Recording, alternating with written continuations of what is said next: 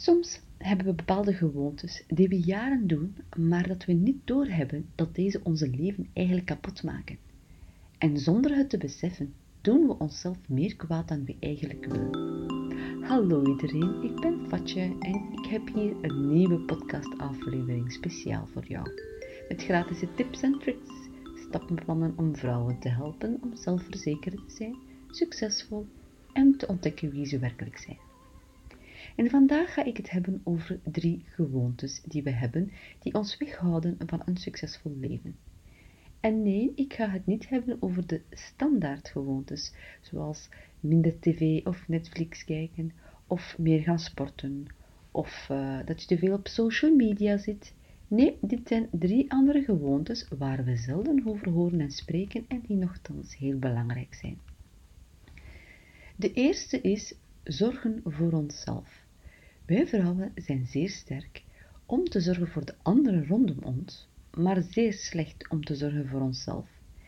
Denk eens aan alle keren dat je je lunch geskipt hebt omdat je iets voor iemand anders moet doen, of alle keren dat je je vrije tijd opoffert om iemand anders een plezier te doen.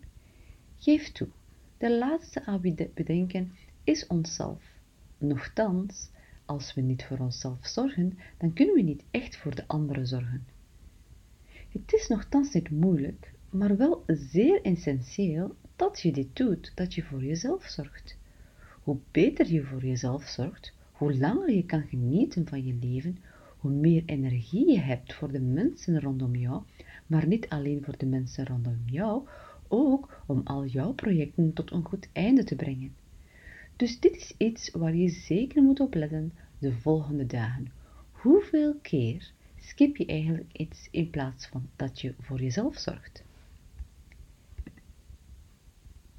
De tweede is veronderstellen dat je alles weet. Dit is een gevaarlijke gewoonte en maakt ons ook nog lui als we hieraan meedoen. Ik zeg nu niet dat jullie allemaal geen domein hebben waar jullie geen experts in zijn. Dat bedoel ik niet. Er is een verschil. Maar soms hebben we de neiging om te denken dat we de oplossing al hebben, zonder even door te vragen en na te denken wat de gevolgen kunnen zijn. Ik ben persoonlijk een grote fan van online cursussen, mastermindgroepen, boeken, podcasts enzovoort. Ik vind dit allemaal heel fascinerend en intrigerend. Hoe meer ik luister en leer, hoe breder mijn kennis is. Sommigen rondom mij vragen mij dan ook hoe ik sommige dingen weet. Wel, heel simpel. Ik leer gewoon nu graag. Ik zeg wel nu, want dit is een complete verandering ten opzichte van de tijd dat ik op school zat. Maar eigenlijk vind ik nu bepaalde domeinen zo fascinerend dat ik eigenlijk het meer als een hobby zie. Ik vind bijvoorbeeld bepaalde domeinen waar ik mij echt wil in verdiepen, zoals gewoontes inbouwen en waarom dat het zo moeilijk is. Hoe zit het met ons brein? Of waarom is het voor sommige mensen zo moeilijk om grenzen te zetten, terwijl anderen dit gemakkelijk kunnen doen? Waarom verliezen we zo snel onze motivatie? Iets simpels, waarom sla ik er gewoon niet in om vroeg uit mijn bed te stappen? Wel, dit zijn dingen die heel interessant zijn en kunnen, mijzelf kunnen helpen om nog beter te worden.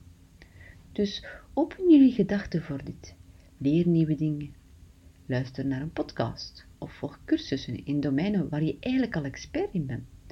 Een andere invalshoek van iemand anders kan jullie creativiteit aanzetten om nog nieuwe dingen te ontdekken. En voor heel veel van deze dingen kan je dit eigenlijk gewoon gratis terugvinden op internet. YouTube, Google, podcasts. Even googlen en je vindt snel iets.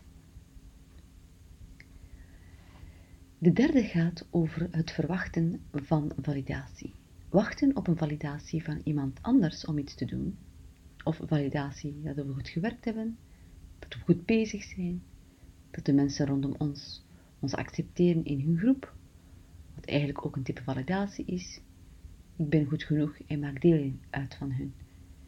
Een ander type validatie over dat we er goed uitzien, dat we slim genoeg zijn. We verwachten dat de buitenwereld ons accepteert en valideert. En wij gaan ons daaraan ook aanpassen als we ook maar het gevoel krijgen dat we er niet bij horen. Hoeveel onder jullie durven echt zichzelf te zijn? Hoeveel onder jullie durven echt hun gedachten te zeggen? Zeggen zoals het is. Ik durf weten dat het er niet veel zijn en ik zie dat geregeld rondom mij. Iedereen wil politiek correct zijn, niet te assertief. Zeker vrouwen. Sommigen willen gewoon gezien worden als zacht, vriendelijk, gemakkelijk in omgang. You know, een echte lady uit een aflevering van Bridgerton of van de tijden van Jane Austen. Ik hoop eerlijk gezegd toch dat er zijn die wel durven zeggen wat ze denken. Want als je een carrière wil maken of je droom wil halen, ladies, dan ga je moeten durven voor jezelf opkomen. Natuurlijk op jouw manier, met jouw stijl. Niemand vraagt je om de bitch uit te hangen, dat is niet wat ik hier zeg. Iedereen heeft zijn karakter, zijn stijl en zijn manier om te communiceren. Kijk wat er bij jou werkt en gebruik dit. Nu jij, welke van deze gewoontes herken je en ga je aanpakken? Ik ben natuurlijk zeer benieuwd naar jouw input hiervan, dus vergeet het zeker niet te delen.